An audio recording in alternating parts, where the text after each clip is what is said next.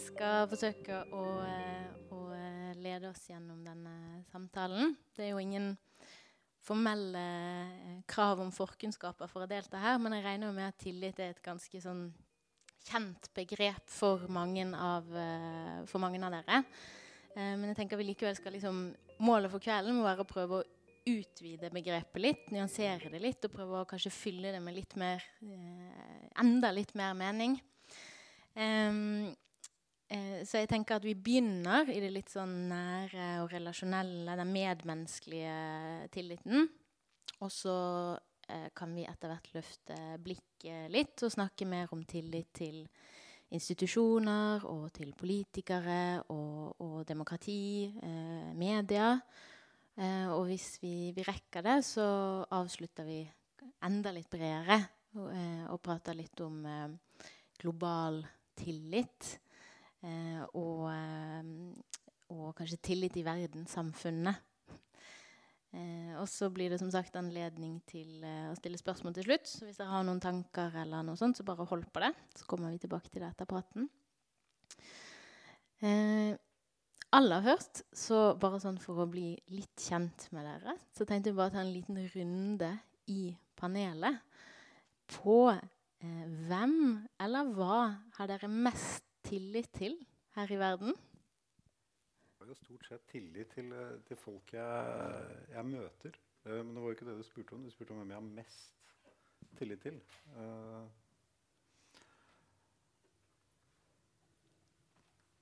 det må jo være familien. Altså noen som svarer veldig ærlig og direkte. da. Mm -hmm. uh, som ikke sukrer, sukrer beskjeder. Mm -hmm. Hva med deg, Signe? Ja, altså Nå tar jeg den litt lenger ut, og så tenker jeg hvem, hvem eller hva har jeg tillit til? Og der øh, Nå er jeg statsviter. Jeg har veldig stor tro på demokratiet. Jeg har veldig stor tro på demokratiet som en øh, løsning og som en prosess for å håndtere øh, uenighet osv. Og, og det er jeg sikker på vi kommer inn på senere. Mm, mm. det gjør vi nok. Arne? Jeg har uh dessverre altfor mye tillit til folk. Jeg stoler på de fleste. En gang så plukket jeg opp to skotter som sto langs veien i haiket. Jeg tok dem med, og De fortalte meg at de hadde dessverre ikke noe penger igjen til fergen nedover over til Danmark. Så jeg lånte dem penger. Jeg så dem aldri igjen. Uh, ellers er svaret kjæresten min. Ja. Ja, jeg syns det er et enkelt uh, spørsmål, egentlig. Og den jeg har mest tillit til, det er uten tvil hunden min det overgår alt jeg har opplevd, eh, både i kjærlighetsrelasjoner, vennskap, familie og alt. Og bare for å ta lite, en liten anekdote altså Jeg har aldri, aldri hatt noe særlig kontrakt med hund før jeg bestemte meg eh, plutselig å reise til Hardanger og hente sjakk-sjakk. Og første kvelden så var jeg jo fullstendig uten, uh, Ja, jeg ante ikke hva sjakk-sjakk trengte.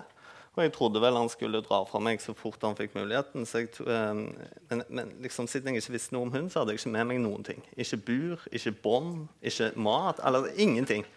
Så det eneste jeg hadde på et fjordhotell i Hardanger, det var beltet mitt. Og jeg eh, tok også bandt det rundt magen på han, og så gikk vi en liten tur i resepsjonen. Og sånn holdt vi på et par dager, og tredje dag så forsto jeg når jeg mista dette beltet og jeg mista sjakk-sjakk av syne, så forsto jeg at han kom aldri til å gå for meg. Uansett. For han kom tilbake uansett. Han sto og venta uansett. Og det har han gjort uh, siden. Og jeg tror det sier ganske mye om hva tillit er. Det er et fint bilde. Jeg tror at uh, Hvis uh, dere i salen òg tenker på det, så er det jo ofte de som gjerne er oss nærmest, som vi har, har mest tillit til, kanskje. Um, er det noen av dere som kan si noe om hvorfor eh, eh, altså, Eller hvordan skapes tillit? Det er jo altså Man kan se på dette både som en sånn personlig spørsmål. Hvordan eh, tillit skapes for eh, individer.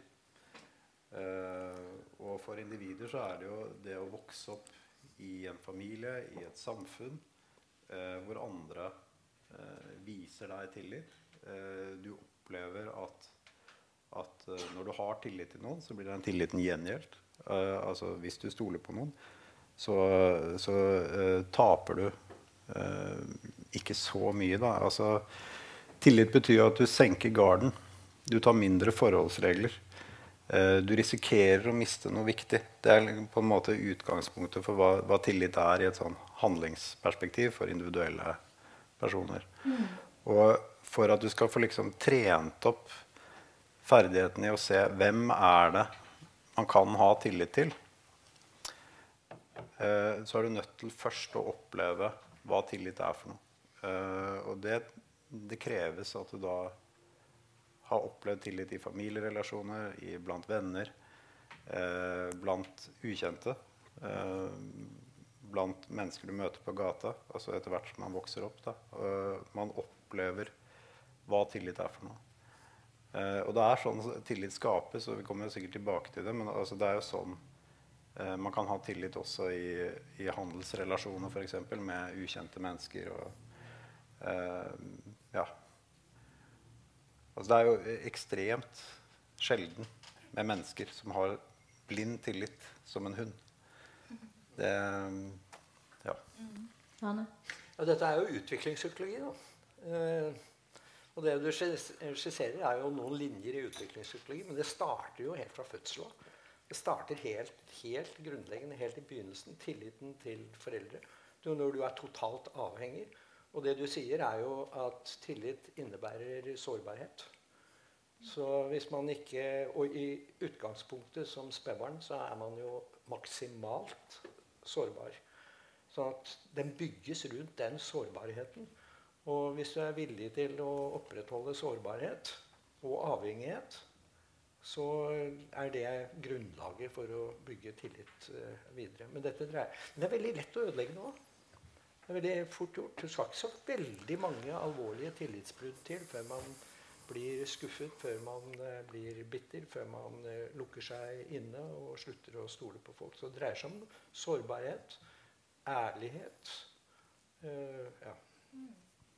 Gjentatte tillits... ja, ja. Gjentatte tillitssituasjoner. Ja. Mm. To. Ja, jeg jeg er, selvfølgelig helt enig. og jeg tror liksom Nøkkelordet her er på en måte kontroll. Og veldig mye av psykiske lidelser eller psykiske problemer som vi har alle sammen, um, er et eller annet slags sånn vanskelig forhold til kontroll. Og det tror jeg på mange måter handler også om tillit. Tillit til en sjøl, tillit til folk i uh, relasjoner. Um, tillit til at livet skal gå noenlunde greit. Um, og så sies det jo veldig ofte, og det sies òg her, på en måte at eh, tillit er så lett å bryte ned, men, men så, så, vanskelig å bygge opp. Samtidig så tror jeg veldig mye av den tilliten vi, eh, vi har, er ikke nødvendigvis eh, er bygd opp av eh, å se perfekte relasjoner. Å se mennesker som behandler oss akkurat sånn som vi vil, eller eh, helt ærlig.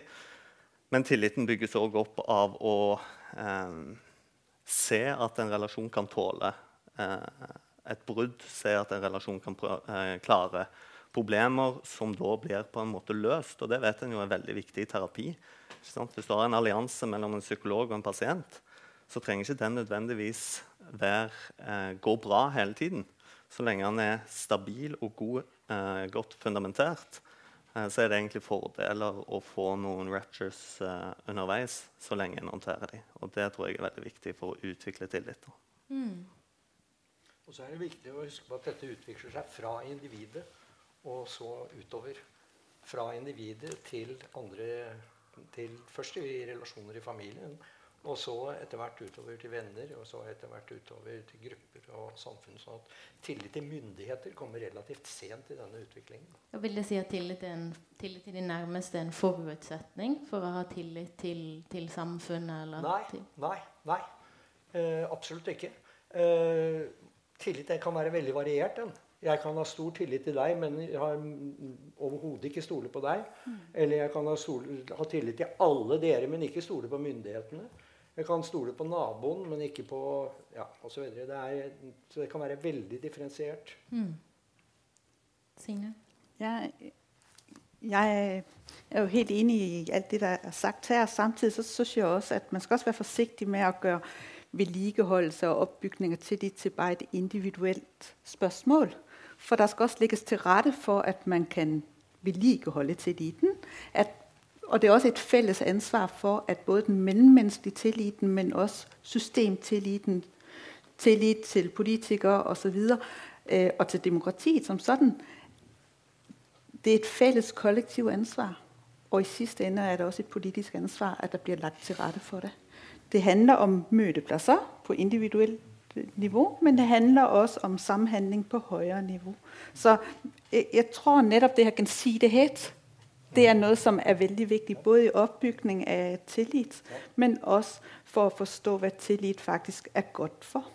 Ja, og, og når, vi, når, vi, når, vi, blir litt eldre og vi lever i et samfunn hvor det er tillit, det er en annen side ved det. Og det, det, og det er at tillit er også litt latskap. Ja. Det er veldig altså For meg, som ble lurt av de her skottene, så, så, så, gjør ikke det at jeg har sluttet å ta opp haikere. Eller ja, nå har jeg kanskje sluttet med det, men, men, uh, men, men det gjorde ikke det. Og det er heller ikke sluttet å låne bort uh, penger. året etter traff jeg, var jeg på vei hjem gjennom Danmark. Og da traff jeg en kar som skulle også over til med ferja over. Og han spurte meg også om han kunne låne penger til ferja. Og jeg lånte ham penger, ja, og det fikk jeg igjen. Så, så, så, eh, når jeg sier latskap, så er det sånn Det er mye greiere å stort sett stole på folk og heller gå i bar en gang iblant. Så hvis jeg ser på cost-benefit på det, så lønner det seg å ha tillit til folk. I hvert fall i et samfunn hvor, hvor folk ellers har tillit. I et samfunn hvor folk ikke har tillit til hverandre, da blir det ganske naivt. Derfor det jo, er det jo en del nordmenn som blir lurt når de kommer til noen andre land hvor det er dårligere tillit. Vi har snakket litt om hvordan tillit skapes, og hvordan det, hvordan det oppstår. Men kan dere si litt om hva, hva, tillit muliggjør? Altså Hvis tilliten er der, hva, hva er det, hvilke fantastiske ting kan man få til med tillit? Uh, ja. Samarbeid. Ja. altså, hvis du samarbeider med mennesker du ikke har tillit til, så vil du hele tiden søke forsikringer du vil hele tiden eh, Hvis du skal gjøre en handel Du vil ha kontrakter. Du vil prøve å gjøre det mest mulig vanntett. Eh, du vil hele tiden Du var et samfunn som eh, på mange måter eh, Hvor advokater er eh, eh, meglere i enhver situasjon. altså, du er nødt til Vi har jo snakket om det allerede. altså Tillit bygges ved at du starter med med eh, en tillitsrelasjon. Og så går du på trynet noen ganger. Men fordi du har en sånn trygg situasjon eh, å, å, bygge på, eh, så, så, lærer du deg til at du kan fortsette å ha tillit til mennesker selv om du av og til går på trynet. Og eh, hvis du kan samarbeide, eh, så skjønner du etter hvert at du kan samarbeide med andre mennesker eh, som du aldri har møtt før også. Du kan ha, du kan ha eh, handelsrelasjoner. Du kan ha eh, Et eksempel som ofte brukes, er jo, er jo sånne eh, boder som står langs veiene i, i fruktrike bygder. Og eh, masse steder i Danmark. Og, og eh, hvor man bare har en kjøkkenhage. Altså, du har, du har, eh, to kilo kartofler for mye, og du, du, setter de utenfor, og så sier du 'her er prisen, betal her'. Eh, og du kan, liksom, du kan lage en business ut av nesten ingenting. Fordi du trenger ikke å ha disse kontrollmekanismene som ødelegger for, for handel. Eh, og norske fjellstuer hvor det står noen boller, gjerne fra i går som, eh, hvor også det, det, er ikke noen som kontrollerer. Og det at du kan ha, et sånt samfunn hvor, hvor, handel kan uh, settes i gang så enkelt, det er, er kjempeviktig. Det sies jo også at tillit er oljen i samfunnsmaskineriet. Og, det, er, det, er, et sånn veldig godt poeng. samfunn hvor, hvor tillit er, eh, om ikke fraværende, så i hvert fall eh, veldig eh, svak. Da. Så tilliten til institusjoner, til hverandre, eh, er rett og slett fattigere samfunn. Altså, Og så, jeg, jeg, bare, et eksempel. for det, eh, det er noen franske økonomer som har regnet på hvor mye rikere ville Russland vært, som er et lavtillitsland, hvis de hadde hatt samme eh, tillitsnivå som Sverige, og de hadde hatt 70% høyere BNP. Altså, eh, Rike land og tillitsfulle land er, eh, korrelerer. Mm. Og det, det tenker jeg vi skal komme enda mer tilbake til. Eh, hvis vi holder oss litt til um, på en måte tilliten, tilliten mellom medmennesker eh, hva, hva er det som gjør at noen eh, er mer tillitsfulle enn andre? Altså Handler det om biologi eller oppvekst eller spesielle opplevelser? Eh, altså, det er jo ingen tvil om at personlighet eh, spiller inn. Så, så, her er det snakk om et personlighetstrekk. jeg vet ikke om jeg vil kalle det trekk i seg selv, men det er knyttet til personlighet. Det kan ikke være noen tvil om. Og så er det også selvfølgelig, som vi har vært inne på allerede, knyttet til erfaringer. Uh, det er viktig. Men det er altså knyttet i, i stor grad til også en kultur. Så du så må ha en kultur rundt. og, og eh, jeg skulle legge vekt på den men mellommenneskelige siden av det, eh, så er det jo også sånn at i befolkninger med høy tillit der er folk mer glade. Det kalles ofte lykke, men glede er et mye bedre ord. De, mye, de, de kjenner mye mer glede. Hvis jeg, hvis jeg stoler på deg så jeg, eh, et, et mål på tillit i en kultur er jo gjerne det at man stoler på noen man ikke kjenner. Jeg har aldri truffet deg før, tror jeg. Og, og hvis jeg spør, ber om du kan passe på sykkelen min, og mens jeg blir borte, og, så sier jeg 'kommer tilbake om et kvarter', og så kommer jeg tilbake om et kvarter, og da vet jeg at du ikke har stukket av med sykkelen min. Og det, vet, og det det dreier seg om, er at, og det er kanskje det som er den viktige definisjonen på tillit, og som ofte brukes som mål på sosial kapital, som det heter, heter på fint, det er at du kan stole på noen du ikke kjenner, som du også var inne på. At det er noen du ikke kjenner, som du uh, stoler på. Det er, det er liksom temperaturmåleren på om en kultur uh, har høy grad av, av, uh, tillit. Så at du har både personlighet, du har erfaringene, men du har også det at det er en kultur rundt uh, som er ut, hvor det er utviklet tillit. Det har ikke alltid vært like høy tillit som det er nå i, i Norge. Og noen mener jo at den synker, mens jeg tror alle vitenskapelige indikasjoner tyder på at den faktisk stiger. Men at det er nokså differensielt i ulike, ulike grupper. Da.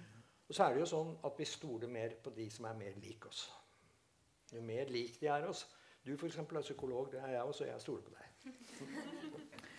Signe? Og der kommer du inn på et viktig aspekt, for en ting er, om man kender dem, man har tillit til. En annen ting er, om man kan speile seg i dem, man ser. Øh, så nå har jeg jo en, driver en, en del med valgforskning, og, og ser også på repræsentativitet eh, i kommunestyrer og på storting osv. Eh, og der er jo netop et viktig aspekt, i hvilken grad avspeiler dem, der blir valgt, dem, der faktisk velger dem. Og teoretisk så går man nemlig ut fra, at det, det handler om legitimitet. Tillit er en helt viktig forudsætning for, at det, dem, vi har valgt, de beslutninger, de træffer, kan ha legitimitet. Så er det jo altid et spørsmål, om det også er tilfældet i, i, i det enkelte tilfælde. Men man kan i hvert fall gå ud fra det modsatte.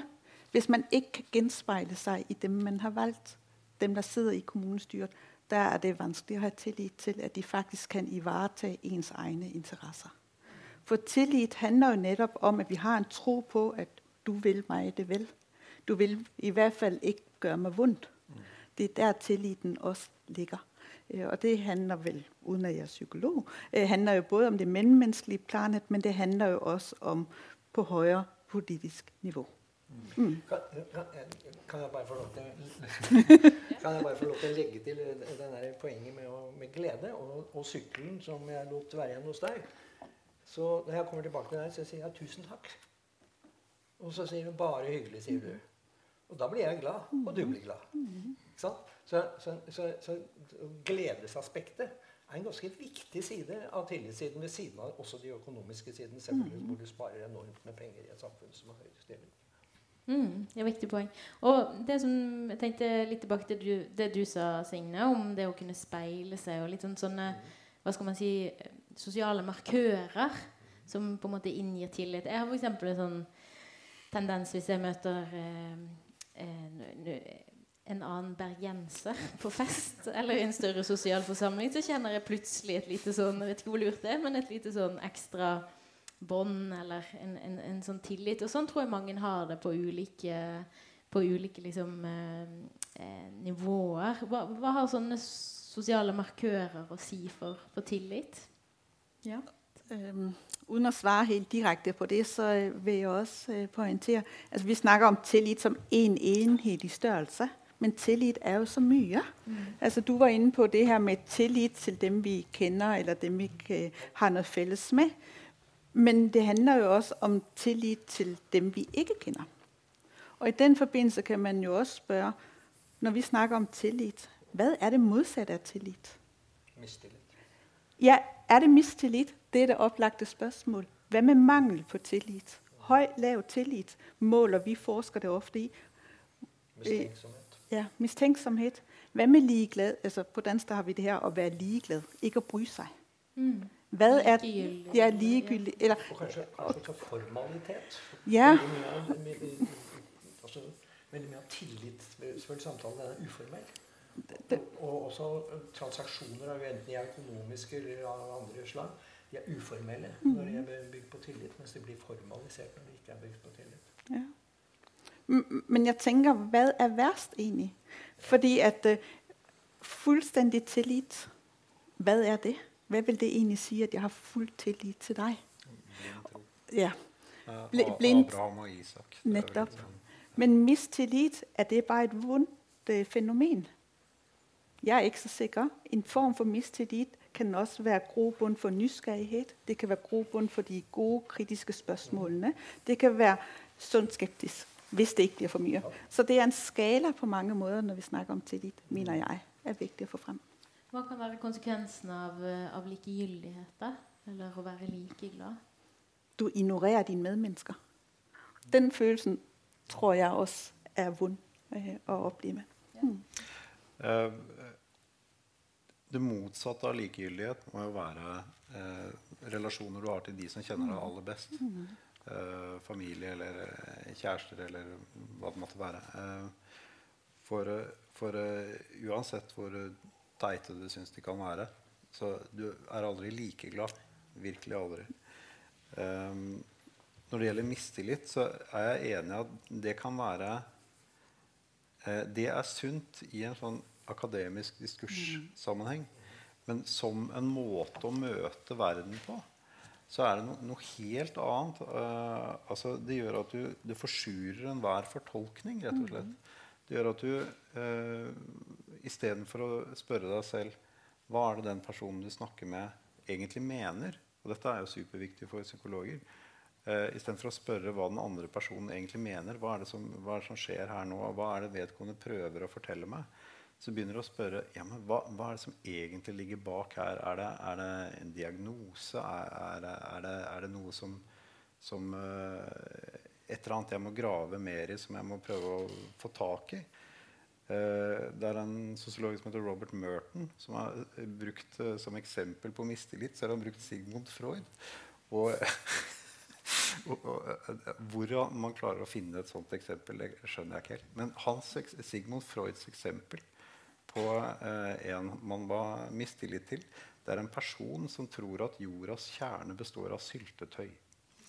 Og det, er liksom, det er ingen som liksom finner på å ta dette på alvor. Og, ja, ja, men hvordan kan det bestå av syltetøy? Det er jo lava. Er det, er det størknet lava? Blir det til syltetøy? Det er jo ingen som begynner sånn. Du tenker dette er rene sprø, sprøyt. Hva er grunnen til at man sier det? Det er ingen tillit til det som sies, men du prøver å finne ut hvorfor det sies. Mm.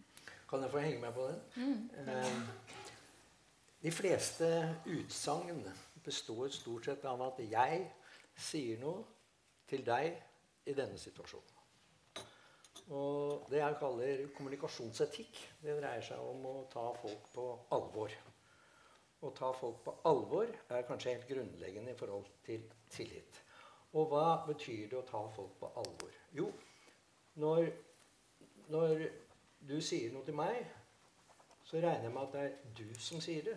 Det er ikke sykdommen din. Det, du sier det ikke fordi du er representant for noen andre. Sånn. Jeg går ut fra at det er du som sier det.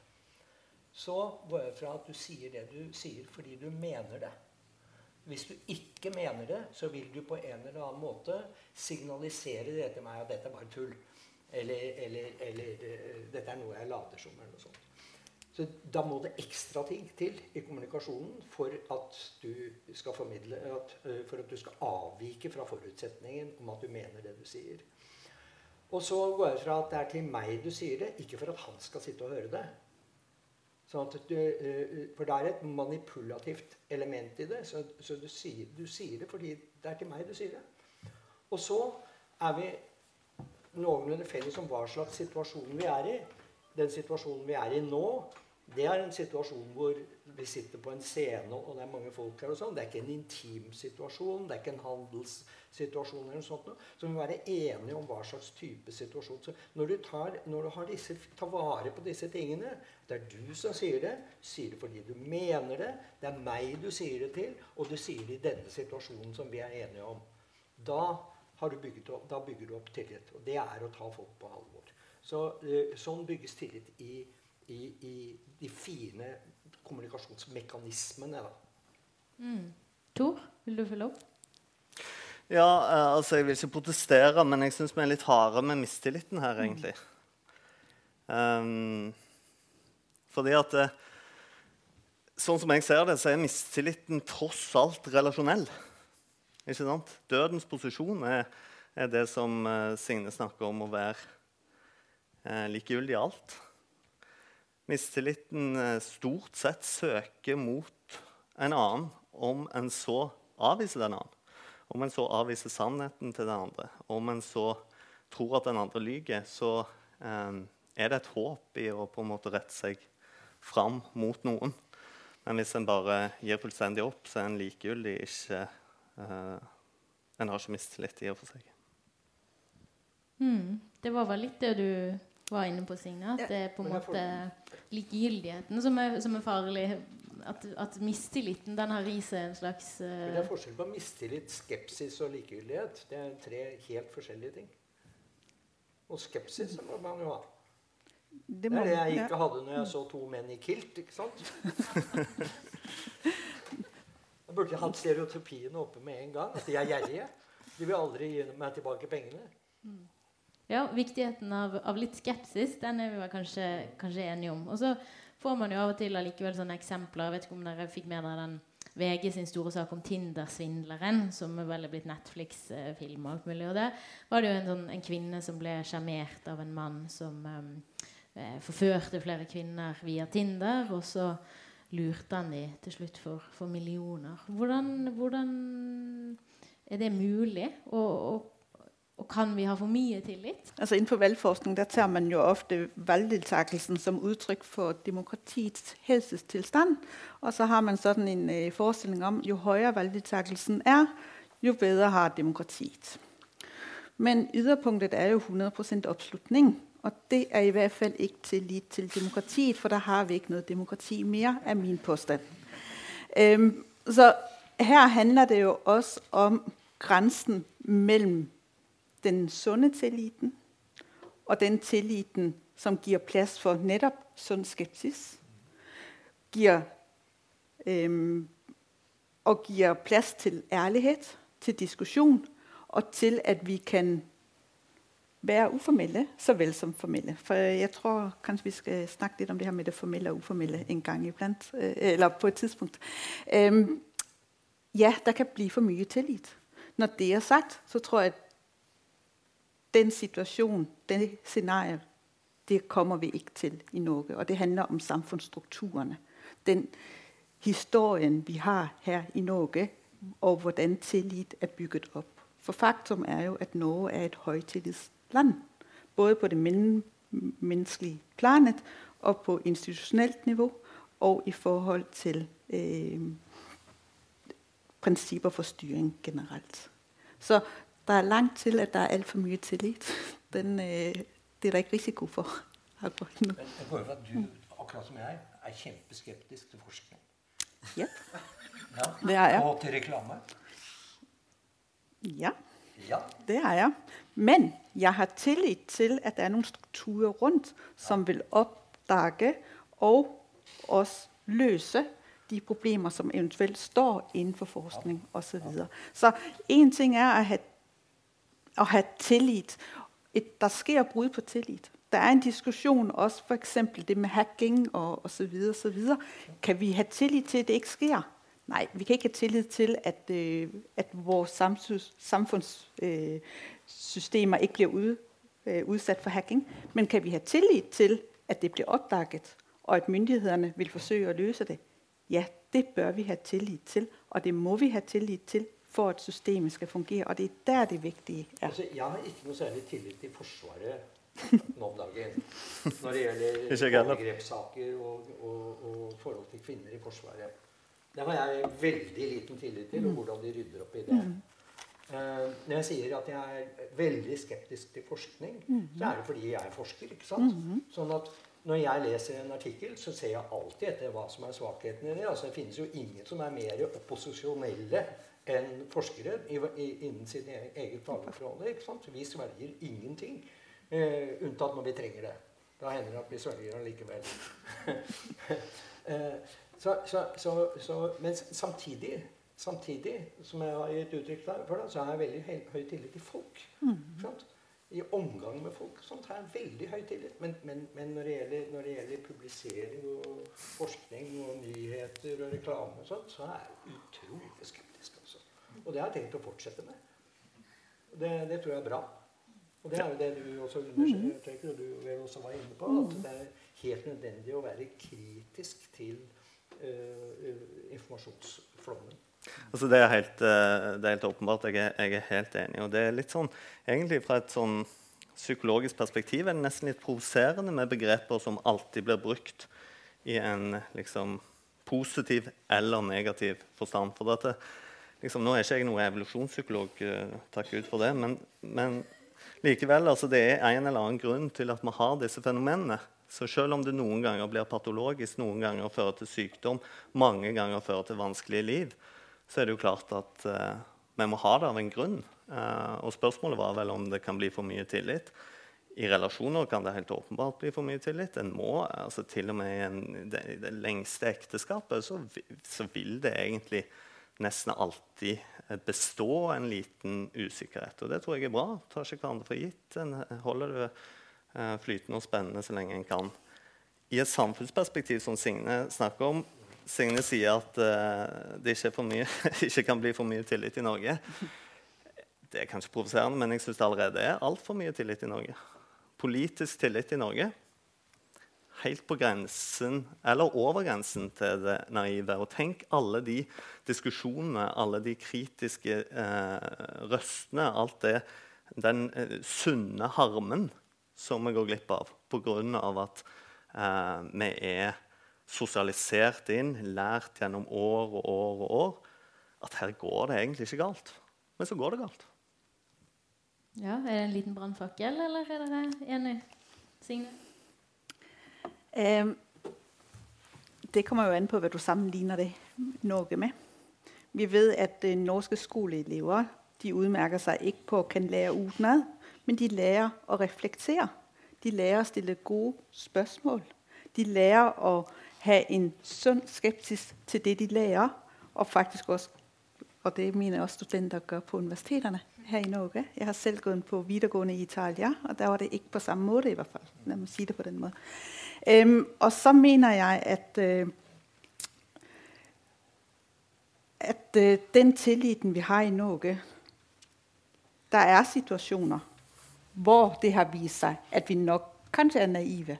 Men jeg mener i stor grad at det er situasjonsbestemte situasjoner. Vi kommer kanskje inn på det, koronasituasjonen osv. Um, der er det i hvert fall noen som mener at, nå, at, man har vært litt for naiv på noen områder. Ja, men det er situasjonsbestemte. Og jeg mener en gang iblant er det ikke en bevisst handling at man bare udviser tillit. Det kan faktisk være en nødvendighet, både på det personlige planet, men også på samfunnsplanet. Det kan være situasjoner som virker eh, uforutsigelige, hvor man som en forsvarsmekanisme sier jeg blir nødt til å ha tillit. Er jeg veldig syk, kommer jeg på sykehuset.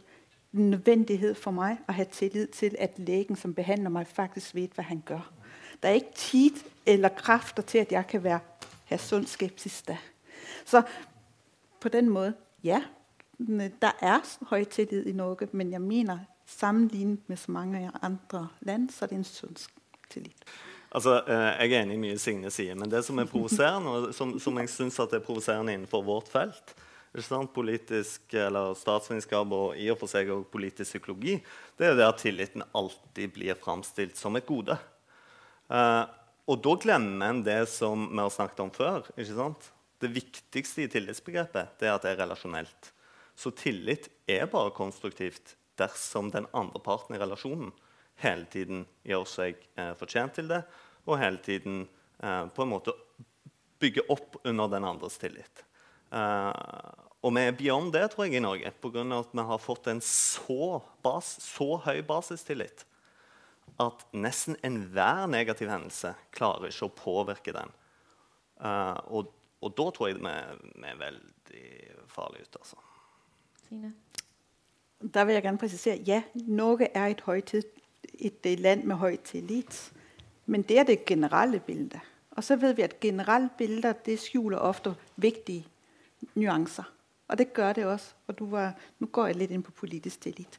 Vi ved nemlig, at politisk tillit er socialt lavdelt. Ulike befolkningsgrupper har ulik tillit til det politiske systemet, til politikere, men også til hverandre. Vi vet at der er en overlapp mellom de ressurssvake, dem vi ofte kalder politisk ressurssvake, de har generelt mindre tillit enn de ressurssterke. Og ikke bare det. Det vi har sett over tid de siste årene, det er at den forskjellen den øker. Og ulikhet når det handler om tillit, er et faresignal som vi må ta på alvor. Og det gjelder også her. Det gjelder også innenfor alle andre områder. Innenfor helse, innenfor økonomi, innenfor utdanning osv. Ulikhet er et faresignal også når det handler om tillit. Vi har veldig ofte for mye tillit. Men det som er viktig, og det som er kanskje det, aller viktigste for at, uh, for at, vi i det hele tatt har denne diskusjonen, det er at vi, vi, du må ha tillit i utgangspunktet. Altså, hvis du har øh, Hvis du ikke får trent opp den evnen til å til å eh, skille mellom mennesker du skal ha tillit til, og hvem du ikke skal ha tillit til, så får du jo aldri den sunne mistilliten, sunne skepsisen. Det, altså, når vi har mistillit eller skepsis, når vi leser forskningsrapporter, så er det, det er en del av spillet. ikke sant? Det, vi har lært opp til at sånn, sånn, er det, sånn skal vi gjøre det. Eh, men hvis du ikke har hatt den grunnleggende tilliten og, og, til andre mennesker, eh, som du får bygget opp gradvis, som, du, eh, som gjør at du tør å snakke med ukjente mennesker, så av og til blir du lurt. Eh, og, og, og, det er en del av læringsprosessen. Eh, og, hvis du eh, bare liksom går ut med at man skal ha tillit, eller bare skal ha mistillit, det er jo ditt poeng. Altså, det er jo helt tullete. Altså, det vi skal snakke om, er når er det vi skal ha tillit. Hvordan skal vi lære hvem vi skal ha tillit til. og, det, det må du må trenes i det. da. Og, og, du får ikke til den treningen hvis du ikke har tillit i bånd. Mm. Uh, får jeg få lov til å fortelle en liten historie fra USA? Gjør det. Ja. Uh, jeg hadde forskningsopphold i USA, San Diego. Uh, og min daværende kone hadde hatt en episode med brystkreft. og vi, hun skulle til en ny undersøkelse. Og eh, vi kom inn da på en eh, universitetsklinikk i San Diego. Og eh, der har de litt annen holdning til nakenhet enn vi har. Så, og en annen holdning til tillit mellom lege og pasient. Så øh, jeg, jeg, var selvfølgelig med henne på, på undersøkelsesrommet og sånt, inne hos denne legen, som da skulle undersøke brystet hennes. Og eh, han øh, sier til meg at ja, jeg går ut fra at siden du er mannen hennes, så kanskje kan jeg gjøre det. Men for sikkerhets skyld jeg må hente en sykesøster. En kvinnelig sykepleier. Sånn at det skulle være en vakt inne i rommet og passe på at ikke legen gjorde noe galt med kona mi. Så skjer følgende. Han tar frem et slags pledd som han tar rundt henne sånn, sånn at han ikke kan se brystene hennes. Og så Jeg skal ikke gjøre det med deg. Så, så, så, så han passer på å se vekk, og så beføler han brystene hennes. Sånn for å kjenne om det er noen kuler eller et eller annet uh, rundt der men uten å se. Mm. sant? Kan du tenke deg noe som under, undergraver tilliten til legen, som altså ikke ser på det han undersøker i det hele tatt? det er helt grunnleggende i dette. Og dette, dette sier hvordan en del sosiale strukturer? Her er det kjønn, her er det vold, her er det alle mulige sånne elementer i, i, i, dette. Som altså i den kulturen totalt undergraver tilliten i dette tilfellet. Et helt avgjørende, kanskje for den slags livsreddende eller livstruende lege-pasient-forhold. Og i Norge ville jo aldri det skje. For det første ville det ikke være nødvendig å hente inn en tredje person som passet på at alt gikk godt for seg. Og undersøkelsen ville skjedd uten dette pleddet rundt, og legen ville sett på det brystet han undersøkte, eller hun undersøkte. Dette, dette, sier noe helt grunnleggende om hvordan selv, selv i livsreddende prosesser i sykehussammenheng så er altså tillit helt, helt avgjørende. At vi har det i samfunnet, og at det henger sammen igjen med andre større strukturer i, i, i samfunnet. Så de store strukturene i samfunnet spiller inn mm. i dette uh, lege-pasient-forholdet i dette tilfellet. For den saks skyld kunne være andre behandlere også.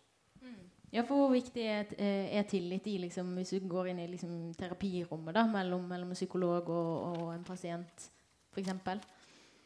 Ja, det er det er jo et, tillit, det er jo et tillitsforhold som må bygges opp. Derfor, tar, derfor, er kvikke behandlinger på, på, på 10 og 5 timer og sånn, de er helt ok hvis det er helt konkrete problemer som er litt mer instrumentelle å løse. Hvis det er dypere lengre og langvarige ting, så er, er, tiden et vesentlig moment i oppbyggingen av den tillit som er nødvendig for at jeg skal kunne være reflekterende i forhold til meg selv og, og faktisk helt åpen, åpen. Det tar tid å bygge opp det. ikke sant? Herlig. Uh, jeg skrev doktorgrad om pasienters tillit til fastleger. Fastleger, ikke psykologer. Uh, men, men, tillit er åpenbart helt sånn avgjørende for enhver, enhver terapeutisk relasjon. hvis du ikke har tillit, så vil ikke pasienten fortelle åpent om problemene sine. pasienten vil ikke følge rådene eller behandlingsforslagene du kommer med. Og pasienten vil ikke komme tilbake igjen. Uh, så jeg, jeg, vet ikke hvordan det er i uh, etiske retningslinjer for psykologer, men for leger så er gjensidig tillit er nevnt som uh, under punkt to i de etiske retningslinjene for, for, leger. At du må oppnå det. Og måten tillit oppnås på, det er sånn grunnleggende at du klarer å å være faglig dyktig, at du klarer å hjelpe pasienten med det pasienten kommer med. Og, at du klarer å vise at du er interessert i den andre personen som, som, um, som menneske. Og det vi så, at at, bygget opp denne tilliten, åpnet tillitsmandatet, var det vi kalte det, for, for ulik grad av åpenhet, det var at du møtte pasienten Eh, på en medmenneskelig måte. At du klarte å liksom huske navn. At du kanskje kunne henvise til et tidligere møte eller et eller annet sånt. At du var sensitiv. Ikke at du nødvendigvis gråt eh, sammen med pasienten, men at du liksom la merke til det og gir et lommetørkle. At, at, det tar tid. Det var nokså mange av pasientene som var feilbehandlet. Eh, men det at du liksom lar det ta litt tid før, eh, før eh, pasienten eh, forventer at uh, pasienten skal uh, fortelle om problemene. Uh, at du etablerer en allianse. for legene så var det allianse mot Nav veldig ofte. Da. For det, veldig mange ville ha en allianse mot Nav. Men det er jo dobbeltrollen. ikke sant? Med ja. portvokter samtidig som du er ja, hjelper. Og så I tillegg så var det det at du av og til så kunne du sette legerollen til side og bare være medmenneske. Og så gå tilbake til legerollen igjen. Mm. Og alt dette her spilte veldig inn på hadde hvor en- åpent dette Det var en diskusjon i legetidsskriftet for et år siden bare. Hvor det kom nye regler om hvordan man skulle melde alkoholforbruk hos pasienter. Eh, Med, eh, med særlig hvor man så på alkoholkonsumet, så, så ble de kurset på at eh, de skulle melde om dette i forhold til sertifikat. Eh, til tross for at det ikke var noen problemer med kjøring eller, eller noe sånt, så skulle det meldes. Det førte jo selvfølgelig til at pasientene aldri snakket om alkoholforbruket sitt overfor pasientene. Det er en helt grunnleggende helsetrussel ikke sant? med høyt alkoholforbruk over lang tid. Og, eh, og dette er et eksempel på hvordan portvokterfunksjonen, eller dobbeltrollefunksjonen, kan bidra til å ødelegge den grunnleggende tilliten som du snakker om. Så når Nav blir den nærmeste alliansen i stedet, så Altså fienden ja. må ha legen med dem. Ja. Mm. Jeg får lyst til å snakke om Nav, men um, altså um, Jeg tror på en måte at det som er så spennende med klient-behandler-relasjonen, eh, og kanskje spesielt psykolog-pasient-relasjonen, er at han setter på en måte alt det sosiale, alt det vi finner i relasjoner, helt på spissen. Til det ytterste. ikke sant? Og der er tilliten, tilliten til en psykolog for at det skal fungere godt i terapi, den, den skal være nærmest total. Den blir aldri total, men den skal være nærmest total. Kanskje mer enn til kjæresten din, mer enn til ungene dine, mer enn til foreldrene dine.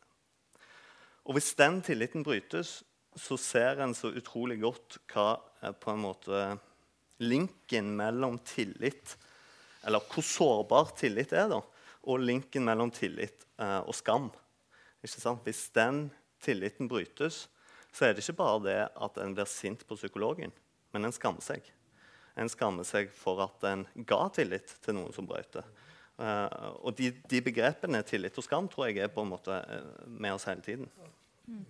Det er kjempespennende. Jeg, tenker at vi beveger oss ut av terapirommet igjen, ut i, ut i verden. Og så snakker, går litt tilbake til dette med, med betydningen av tillit til politikere og til, og til institusjoner. Og nå, nå har du holdt det lenge, Arne. Jeg vet at du har gjort mye spennende forskning eh, på betydningen av, av tillit i, i samfunnet. Kan du ikke fortelle Ja, altså litt det, om vi det? har, det vi har gjort, er en serie artikler hvor vi har brukt data fra noe som heter European Social Survey, som er en av Europas største eh, databaser med veldig høy kvalitet på.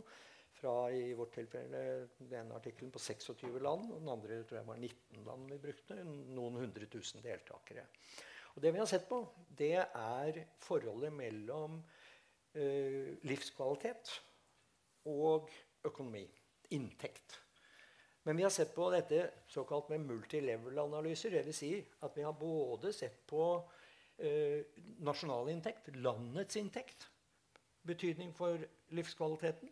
Vi har sett på eh, nabolagsinntektene, eller kommunens eh, inntekt, eh, i forhold til livskvaliteten. Og vi har sett på personlig eh, eh, inntekt.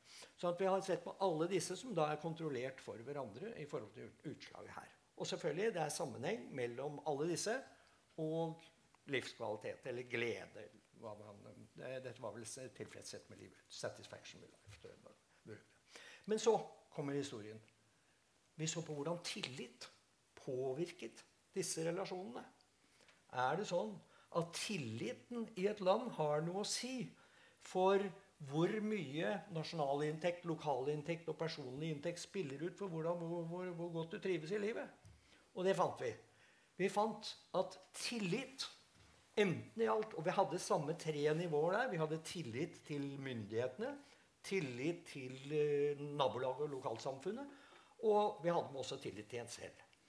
Og så så vi på hvordan disse typ, ulike typene tillit virket inn på, på, eh, denne relasjonen mellom inntekter og Og da fant vi at tillit dempet effekten av økonomisk ulikhet mellom land, eh, av økonomisk ulikhet mellom nabolag, av økonomisk ulikhet mellom eh, personer og livskvalitet.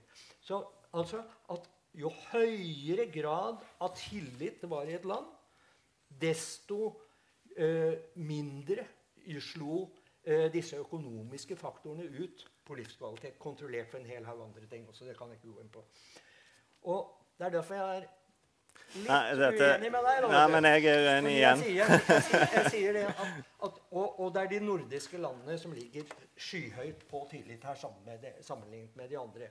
Og vi har kontrollert selvfølgelig for ja, ja, masse ting. Men, men uh, derfor sier jeg det at det å ha veldig høy tillit både til myndighetene, til nabolaget og for den saks skyld til seg selv, men det er de to første som er de viktige i denne sammenheng, det er altså av stor betydning for hvordan dette slår ut i livskvalitet. Så kan man spørre ja, men er det noe lurt Er det noe lurt at tilliten skal dekke over så å si, den økonomiske ulikheten? Ja, Det kan, kan, vi, kan vi spørre om. Er det noe lurt at den skal dempe det? Men til politikere vil jeg si at ålreit, det er fint om dere kan redusere sosial ulikhet i økonomi. Men kanskje dere også skal satse på å bygge tillit i landet deres. Og så så vi på hvordan dette var før og etter finanskrisen i Europa fra 2008 til 2009. Og grunnen til at vi gjorde det, er at det var en stor endring i økonomi.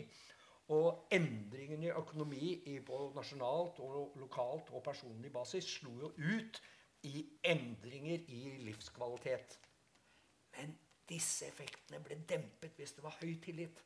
Så høy tillit i landet dempet altså effektene av den økonomiske, ja, finanskrisen i Europa på livskvalitet. Så det er tillit dette- politikerne burde investere i? da? Tillit som politikerne egentlig burde investere i, Ja. mener du? Er du enig i det. Tor? Nei, nei, nei. nei. Altså, dette, dette, viser jo, dette er en veldig god illustrasjon på det jeg sa. ikke sant? Dette viser jo eh, tillitens destruktive kraft. Fordi, eh, som du er inne på, det eh, legger skjul. Altså, det dekker over de eh, konfliktene vi så gjerne skulle hatt i Norge. Vi skulle jo hatt et ulikhetsopprør hvis en vil ha noe eh, gjort med ulikheten. En skulle jo hatt eh, tydeligere, hardere fronter. Og det, en måte å tolke dette på er jo ja, Tillit er et veldig vanskelig begrep. Og det blir liksom enda vanskeligere når vi forsker sånn som oss, pga. vi spør eh, på en survey og det er, hvor mange er det som sitter der og føler tillit, egentlig. Ikke sant? Eh, det jeg tror, det er at tilliten i dette tilfellet egentlig kan, eh, kan også tolkes som en, eh, et ønske, en streben etter lite konflikt, etter konformitet. Eh, og da er det jo ikke så rart at de nordiske landene kommer på topp. ikke sant? Vi er Vi vil være konforme. Nei, fordi vi vil er ikke ha- konforme, så har vi større tillit. Ja, du, du, på grunn av vi har så høy tillit, så blir vi bare mer og mer konforme. Altså, der er to ting her, jeg, øh, jeg vil gerne spille inn. Dels så er de nordiske landene jo nettopp øh, kendetegnet ved, at de har, vi mennesker, vi har her, der bor i Norden, vi har stor tillit til dem, der ligner oss selv, men vi har også stor tillit til dem, der ikke ligner os.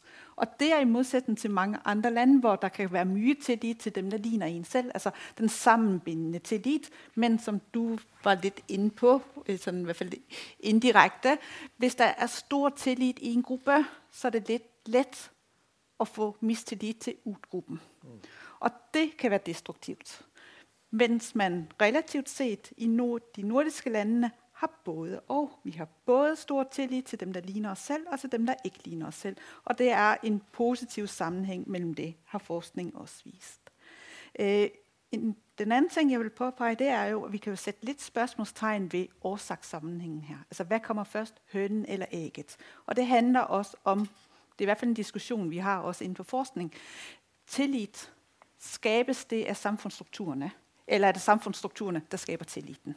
Og her er det ikke noget enkelt svar, det er selvfølgelig både og, og man må se det over tid, man må se det i et historisk perspektiv. Men vi kommer ikke ud, ud over det faktum, mener jeg, at politiske valg, politiske retning, den, den måde, man vælger at bygge op et samfund på, også har stor betydning for, om der bliver lagt til rette for, at der kan være mellemmenneskelig tillit, om der kan være tillit til øh, styringsformen, og om der kan være tillit til at mine behov som individ, som borger, som demokratisk borger, blir ivaretatt. Så ja, vi forskere vi kommer ofte i den situasjonen vi må si både og. Og det tror jeg er viktig her. For jeg kommenterer høna og egget. Mm. Eh, det faktum at vi så på før og etter finanskrisen, og at vi fikk endring i én variabel og samtidig endring i en annen, men som ble dempet, av, eh, dempet hvis du hadde høy inntekt, kan tyde på at vi i hvert fall har en tidsrekkefølge her som er den første forutsetningen for å tenke kausalt rundt dette. Så du kan ikke helt utelukke kausalitet. Det taler for kausalitet at vi har en endring i en variabel som fører til en endring i en annen variabel, som dempes eventuelt av en mellomliggende eh, eh, variabel i, i den. Og så vil jeg si at selv om selv, selv, selv om selv om vi demper effekten i utslaget på hvor tilfreds man er med livet, så behøver jo ikke det ta bort eh, det som er så åpenbart, at det er svære klasseforskjeller i samfunnet. Det er klart det, hvis det er bare å ta seg en tur, først på Holmenkollen og så dra en tur ned på, eh, på eh, eh, Grønland. Så slår jo deg midt mellom øya hvor enorme disse forskjellene er. Men er det bra for samfunnets utvikling at de er tilfreds med livet? Nei, men det er ikke sagt at de er tilfreds med livet. Jeg sier bare det at tilfredshet, utilfredshet, eller tilfredsheten, effekten mellom, mellom økonomi, eller inntekter, da, på disse nivåene, så dempes. Mm. Den blir ikke borte. Den blir ikke borte, Neida. men den dempes. Det, det dere snakker om nå, om vi har, at vi har, vi har såpass høyt nivå av tillit i Norge, det blir kalt det nordiske gullet, det som vi liksom har her i, i, ja, våre naboland. Ja, altså, hvis, hvis du vil ha en kjapp innføring i tillit Nei, jeg har ikke skrevet den. En kjapp innføring i tillit, så er det faktisk denne rapporten fra Nordisk, råd, Nordisk ministerråd som kalles Trust, the, the Nordic Gold. Og Der får dere en, en veldig kjapp og enkel innføring i hva som menes med tillit, og hvilke fordeler og ulemper vi har med tillit, og særlig hvordan tillit slår ut i de nordiske landene. Den er fem år gammel, men den er veldig god. Så bra. Jeg lurte på, Er det noen som kan si meg litt om, altså, si meg noe om hvorfor, hvorfor har vi så høy tillit i Norge? Hvor, hvorfor og når ble det egentlig sånn? Ja, Helge? Det er jo eh, historiske forutsetninger for dette her. Og eh, altså, man hadde jo ikke tillitsmålinger på 1800-tallet. Men det er en del eh, sånn litt krumspringforskning som er gjort, som, som tyder på at vi faktisk hadde høy tillit også eh, for over 100 år siden. Eh, og du kan også f.eks. se på eh, etterkommere etter nordiske utvandrere i USA. Eh, og de delene av uh, Nord-Dakota og Minnesota hvor de nordiske etterkommerne er, det har mye høyere tillitsnivåer enn resten av USA. Eksempel. så, så det er mye som tyder på at vi har hatt høye tillitsnivåer veldig lenge. Uh, og noe av bakgrunnen for dette her, uh, det finner vi i uh, fredelige maktskifter. Altså Vi har vært villige til å overlate makt til eh, neste person uten at det gripes til vold. Det er på en måte kjennetegnet ved vellykkede demokratier at det, det skjer. da, Og det har skjedd lenge i Norge. Altså Vi har jo f.eks. innføringen av parlamentarismen 1884, hvor, eh, hvor embetsmennene på mange måter ga fra seg makten til folket, til Stortinget. Eh, og eh, tilsvarende utvikling var man på vei til i Sicilia, men det endte opp i uh, at hele opprøret ble slått ned, og alle som sto bak, ble, ble fengslet. Og noe av bakgrunnen til dette her uh, Det ligger uh, dels i at embetsmennene var, var preget av opplysningstidsidealer og faktisk var interessert i å høre på andre mennesker. Men ikke minst at, at vi hadde tre store folkelige bevegelser som utviklet seg eh, over eh, 100 år, og som kunne snakke med embetsmennene, organisert snakke med embetsmennene. Først ut så var eh, legfolket, eh, kristenlegfolket, eh, haugianerne. Eh, noe mange ikke vet om, om, Norge, er at vi har nesten hatt 100% alfabetisme i over 200 år. Det er veldig få andre land som kan si. Og det gjorde at man kunne ha bibelgrupper. Man kunne studere Bibelen sammen. Man kunne diskutere Bibelen sammen. Og, uh, og, og ha diskusjonsgrupper. Uh, man hadde arbeiderbevegelsen, Markus Trane. Man hadde Bondevennene, Søren Jåbekk. Og alle disse bevegelsene kunne eh, diskutere med embetsmennene, diskutere med eliten. Eh, og embetsmennene kunne forstå at her er det mulig å gi fra seg makten uten at det blir revolusjon, uten at man blir hengt opp i lyktestolpene, som hadde vært det vanlige i hele resten av Europa. Du får fredelige maktoverganger. Mm. Jeg kan bare nevne én ting til. Anekdote. Og det er eh, altså Danmark eh, har kanskje det mest ekstreme eksempelet her. Forrige gang de hadde eh, en ufredelig maktovergang, det var drapet på kong Erik 5. i 1286. Det begynner å bli en stund siden. Signe? Um, du kommer inn på um, folkebevegelser. Og øhm, tilbake i 2011 redigerte jeg en bok der heter 'Sosialt kapital i Norge' med min gode kollega Dag Vollebæk, hvor vi nettopp ser på sosial kapital i et nordisk perspektiv og et internasjonalt perspektiv. Og et poeng altså med sosial kapital er at vi øh, definerer det som bestående av tillit og nettverk. Og det er jo det vi snakker om her, det relasjonelle knyttet til oss tillit. Men et viktig poeng i det er dels at vi snakker om politiske valg øh, politikk som viktig for å legge til rette, men også sivilsamfunnets rolle for nettopp å skape, opprettholde og hindre at tilliten forsvinner i samfunnet. Nettopp ut fra det perspektivet du kommer inn på. Gjennom sivilsamfunn, gjennom de frivillige organisasjoner opplever også enkeltmennesker at øh, de har noen der snakker på vegne av dem. De kan delta der er fælles arenaer, hvor de møder andre mennesker, både der ligner dem og ikke ligner dem, men de opplever også, at sivilsamfunn faktisk blir trukket inn i samfundsstrukturen og har en betydning for deres eget liv og har en betydning for, hvordan samfunnet utvikler seg. Så sivilsamfunn, de frivillige organisationer, har i et historisk perspektiv vært viktig for den høje tilliten i Norge, men er det fortsat. Øh, helt sikkert. Og vi ser jo også, at der er en økt bevidsthet om det. Problemet, som man kan sige, det er, at tillit også kan bli et retorisk politisk begreb, som bare blir brukt og misbrukt. Vi må, vi må netop, og det er det, det arrangement her er veldig bra for, prøve å fylle det med innhold. Prøve også å forstå, hvorfor er civilsamfundet viktig? Vi kan ikke bare si, at de skal øh, øh basere seg på frivillige, fordi det er demokratisk riktig. Nej, det er faktisk fordi de ikke vil være med til å underbygge den tillit som er så viktig for samfunnet. Og den sunne skepsis.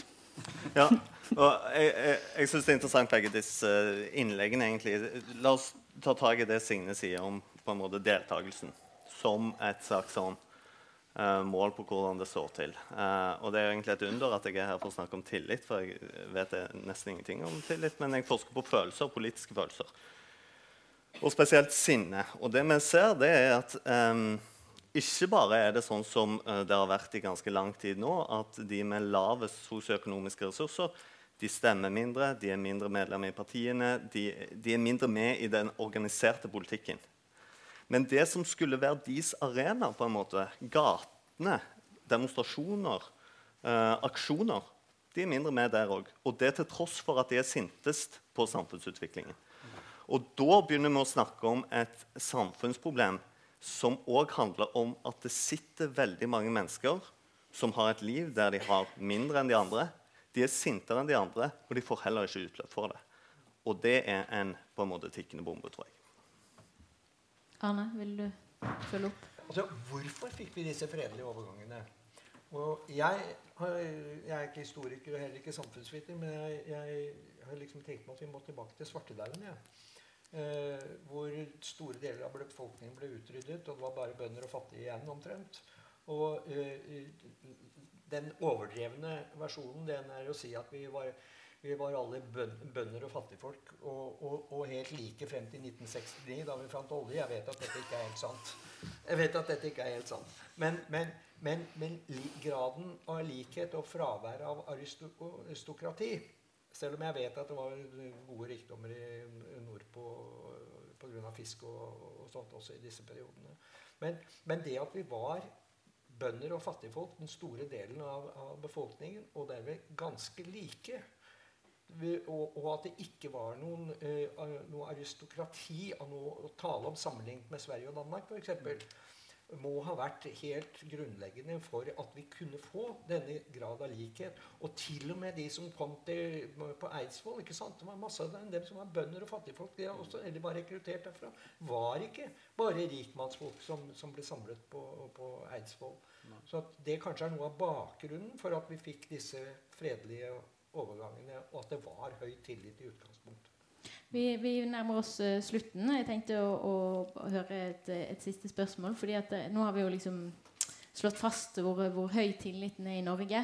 Men så har man jo allikevel så rulles det jo opp sånne eh, skandaler. F.eks. vi har pendlerboligene ganske nylig av Aftenposten. Og så har vi hatt eh, reis, misbruk av reiseregninger. Eh, det dukker stadig opp sånne Eh, eh, sånn som egentlig, altså, hvorfor, hvorfor, har vi allikevel så stor tillit til politikerne våre og til systemet?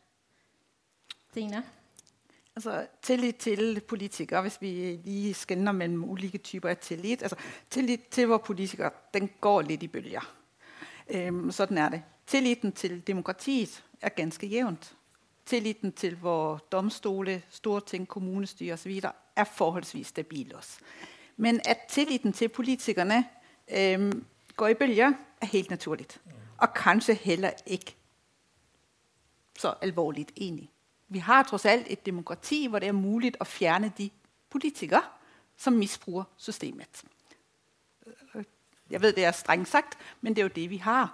Hver fjerde år er det valg. Og det, har, det tror jeg er nøkkelen. Ja. Og derfor så mener jeg at uh, det er tilliten til systemet. Det er tilliten til at Stortinget faktisk kan håndtere sådan en uh, proces her. Så kan vi så sætte spørsmålstegn ved, om de, hvordan de har håndteret pendlersaken. Uh, men vi må ha en tillit til, at systemet kan håndtere de her skandaler. Det er det, der er det vigtige. Og det aller, aller vigtigste. Vi kan ikke undgå, at der er noen der misbruger. Altså, politikere er folk som er oss andre. Øh, de afspejler os for, øh, på en eller annen måte, så på godt og vondt. Men sånn er det. Og det må systemet kunne håndtere. Det var derfor jeg startet med, da du spurte hva er det du har mest tillit til. Jamen, jeg har faktisk tillit til demokratiet. Og det vil jeg være så naiv å ha. Mm. Mm. Jeg tror det er på en måte nøkkelen det Signe sier. Og det som er eh, spennende, og som jeg syns jeg husker at jeg egentlig begynte med, det er jo det at jeg tror sånne skandaler For det første så ser vi i forskningen at sånne skandaler har overraskende lite å si. ikke sant? Vi tror på en måte Nå velter vi tilliten, nå velter vi systemet, nå velter vi eh, ryktet til politikere. Skandaler har veldig lite å si. Uh, og jeg tror faktisk at det kan være sånn at skandaler øker tilliten vår. Mm. Nettopp fordi at systemet får en sjanse til å vise at vi håndterer det. Men det er ikke ubegrenset. Du har ikke ubegrensa mange sjanser til å håndtere sånne. Men akkurat nå så ja, er kanskje politikere er som vanlige folk. De har bare litt vanskelig forhold til reglene som gjelder sjøl. Jeg tror vi må begynne å runde av med de litt eh, optimistiske ordene der. Er det, er det mm, noen spørsmål fra salen, så vet jeg at panelet gjerne svarer på de. ja. Tor. Tor sånn om um, dette her med at pga. så høy tillit så går vi glipp av sånn berettiget harme og litt mer temperatur og sånn.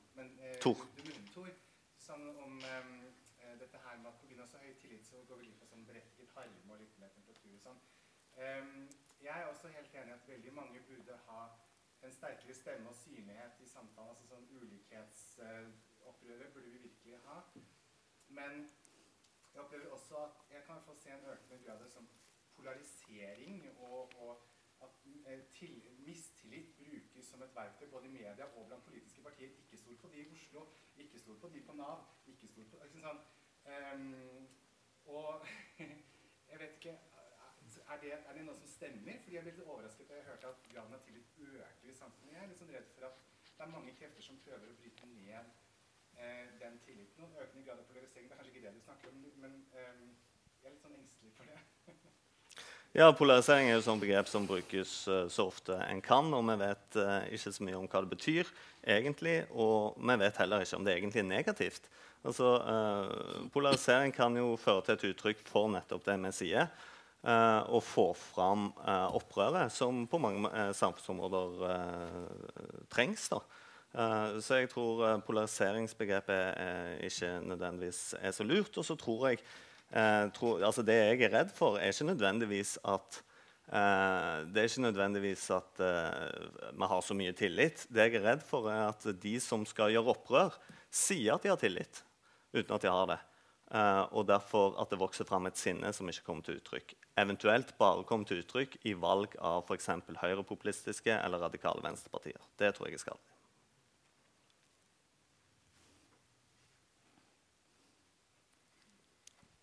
Ja. Du eh, nevnte et ord 'kontroll'. Og i en del sammenhenger så er nok det å kontrollere noen et uttrykk for mistillit. Lar det seg gjøre å kombinere og vise tillit ved å kontrollere? Her er det vel flere som er bedre klinikere enn meg. Ja, Signe, du rakk opp. Nei, men Det var ikke på det individnivå. Det var egentlig, Nå har vi ikke vært inne på koronakrisen og tilliten til myndighetene. Men én ting der jo er trukket frem som forskjell mellom bl.a. Øh, de nordiske landene i koronahåndteringen og øhm, andre land i Sør-Europa, det er jo denne form for frivillighet og oppmuntring til at øh, man øh, ikke kontrollerer. Vi har ikke hatt portforbud i Norge, f.eks. Det har man hatt øh, i andre land. Og det er jo en sterk form for kontroll. Og noen har tolket det som en form for mistillit. Mens vi øh, jo her øh, sier at vi har basert oss på tillit til folk. Tillit til at man har brukt håndsprit og osv. Så, så, så har vi jo øh, likevel noen eksempler på at, øh, at det er kanskje ikke bare frivillighet. Det har også vært en form for kontroll. Øh, og der er store forskjell også i krisehåndteringen både mellom Norge og Danmark på det området der. Øh, at øh, statsministeren i Norge fikk en bot, det er jo også en form for kontroll. Altså, de danske medier var jo helt overveldet. Er det virkelig riktig? ja. Det der er et grunnleggende og veldig bra spørsmål. Ja. Og uh, uh, uten å trekke sammenligning for langt, men sammenlign Øst-Tyskland og Vest-Tyskland. Øst-Tyskland var et samfunn som var totalt basert på kontroll, helt uten tillit. Vest-Tyskland var et samfunn skal ikke drive den for langt, men var et samfunn som grunnleggende allikevel var basert på, på tillit. Dette er to helt forskjellige holdninger til verden. Kontroll, tillit. Selvfølgelig må du også ha kontroll i et tillitssamfunn. Det må du. For ellers så, så rakner også tilliten hvis, vi ikke, hvis vi ikke systemet fungerer. Men dette er helt grunnleggende, det du trekker opp her. Mm. Helge, vil du si noe? Ja, eh, jeg tenkte på eh, håndteringen av koronapandemien. Det er flere fra dere som har, har vært involvert der. Eh, og eh, noe av det som, som eh, kjennetegner altså, Koronakommisjonen har avdekket at politikere gjorde veldig mye på veldig sviktende grunnlag flere ganger i løpet av eh, pandemien. veldig ofte så var vi litt sånn seint ute med, med tiltak. Eh, noen tiltak var unødvendige, noen var ulovlige, noen var grunnlovsstridige. Det var veldig mye teit som ble gjort i håndteringen av pandemien. Ja, men, ja. Eh, men, det som gjorde at eh, og, og, den svenske håndteringen av pandemien var i begynnelsen nokså plettfri i forhold til planen på forhånd. Altså kartet. Eh, Tegnell fulgte kartet. Men han fulgte, når terrenget endret seg, og man fant ut at dette, denne pandemien utviklet seg på en helt annen måte enn det vi hadde trodd, så endret han ikke kartet. Og eh, Hans eh, måte å gjøre dette på det, det forandret seg ikke før liksom, kongen sier til statsministeren at 'dette går vel ikke så bra'. eh, Men det som, og, og den svenske pandemihåndteringen har, har fått mye, har det laveste tillitsnivåene i, i Norden. Uh, og selv om det er høyere enn mange andre land. Men den norske hadde den høyeste. Også høyere enn Danmark. Mm. Og en av grunnene til det det er eh, noe av det Øyvind Ilen og co. Har, uh, har funnet ut. At vi hadde transparente debatter. Altså Vi hadde transparente diskusjoner. Det var fire stykker som sto på et podium eh, hele tiden og snakket. Prøvde å være enige, mens liksom en av dem sto liksom trippet. Og, ja, er vi helt enige i dette her? Eh, og vi hadde debatter, vi hadde åpenhet, vi diskuterte ting. Så når dumme eh, forslag ble eh, iverksatt, så ble det nokså raskt endret på. Altså, Dumme forslag ble ikke værende som offisiell politikk lenge.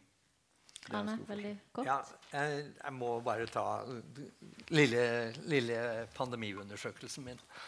Eh, noen dager etter at Norge ble stengt ned, så gikk jeg inn på nettet og så søkte jeg etter kilder på tillit. Og jeg fant syv datakilder. Dette er altså ikke en veldig seriøs vitenskapelig studie. Det er ingen kontroller, ingenting. Men det jeg gjorde, var å finne syv kilder til tillit, eh, og, til, og hva slags tillit ulike land hadde til myndighetene sine. Og så, I løpet av en dag så forsøkte jeg å forutsi hvilke land vil komme til å få et eksplosivt og forferdelig utbrudd av, eh, av eh, covid-19, og hvilke land vil klare seg best. Og de landene som jo hadde aller, aller lavest tillit, det var jo nummer én Brasil. Og hvilke land fikk den aller verste covid-19-epidemien? Brasil. Hvilket land hadde nest dårligst tillit av disse mange landene jeg undersøkte? Det var USA.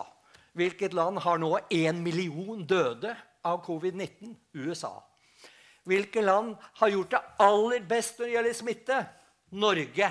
Og hvor var tilliten høyest? Norge. Det var Norge, Sverige og Finland som jeg sa, de kommer til å ha det laveste smitteutbruddene. Sverige ble da et avvik fordi de gjorde noe helt annet. Men Finland og Norge holdt. Og så fikk vi mellom der ganske dårlige anleggene Spania, Italia, som altså fikk også eksplosive uttrykk. Det gøyale med dette er at det fra tillit og ulike datakilder gikk an å forutsi. Jeg visste jo ikke da hva resultatet ville bli. Hvilke land som skulle komme til å få de største utbruddene. Og det betyr at tillit dere i et land er helt grunnleggende for overlevelse også når pandemier og andre katastrofer treffer oss. Ehm, jeg tenker litt på dette med liksom at det er ganske selvforsterkende da, hvis man ser på samfunnsnivå. at F.eks. i Norge så vil jo på en måte, tillit fostre mer tillit. Mens i andre samfunn som det er lavere tillit, så vil det være motsatt. Eh, så jeg lurer på om det er noen eksempler eller har noen tanker om hvordan man kan øke tilliten i et samfunn som har i utgangspunktet lav tillit, da, hvis man går ut fra legger som premiss at det er et gode. da. To. Ja, altså, jeg har òg på en måte sett litt på sånne For forberedning, da, sett litt på denne forskningen. Og det, det som går igjen eh, til, for et samfunn som eh, eller for aktører egentlig å skaffe tillit til seg sjøl, um, ehm, det er å være åpen om usikkerhet. Uh, og det gjelder i pandemien. Uh, de landene som har vært åpne om usikkerhet, de får, uh, der får myndighetene tillit. Og det gjelder faktisk, og der har det vært noen eksperimenter i sosialpsykologi, det gjelder forelesere på universitetet. Det er ikke de som går hardest ut, som, som lærer vekk best. Det er de som er åpne om usikkerheten sin.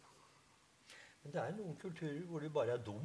Du, ser, du oppfattes som dum hvis du går ut med usikkerhet. Så, så Men må vi ikke begynne å snakke om kultur? Konteksten har en viss aksept for usikkerhet. Så ditt spørsmål er jo helt sentralt. Der hvor man ligger i bånn og har lavest hvor, hvor, hvor man altså oppfattes som dum når man er åpen og ærlig. Hva gjør vi der? Jeg tror vi setter sluttstrek der. Jeg. Eh, tusen takk for kjempegode spørsmål og veldig interessant samtale. Vil du si noen siste ord? Jeg tenkte også hvis dere vil ta sånn 30 sekunder til et minutt hver hvis dere har lyst til å si noen avsluttende ting om tillit. Litt sånn for å sette litt sånn avslutning på ting. tillit er bra. ja. Um, en skal være kritisk til tillit. En skal være kritisk til tillitsforskning. Um, og det kan bli for mye av det. Det er viktig i livet å finne noen dere stoler på. Og jeg tror, det er viktig å se sammenhengene både mellom det individuelle, altså oss som individer, samfunnsstruktur, også i et globalt perspektiv, som vi ikke kom inn på her. Mediernes rolle har vi ikke vært inne på. Vi snakker om, at vi har en tredeling av makten, men vi har jo en, en firdeling, hvor medierne også spiller en stor rolle. Og det er et tema, som bør og må diskuteres, hvordan vi opprettholder den i fremtiden. Jeg tror uh, det at man starter med tillit, og at, uh, og at, at skepsisen kommer etterpå. Mm.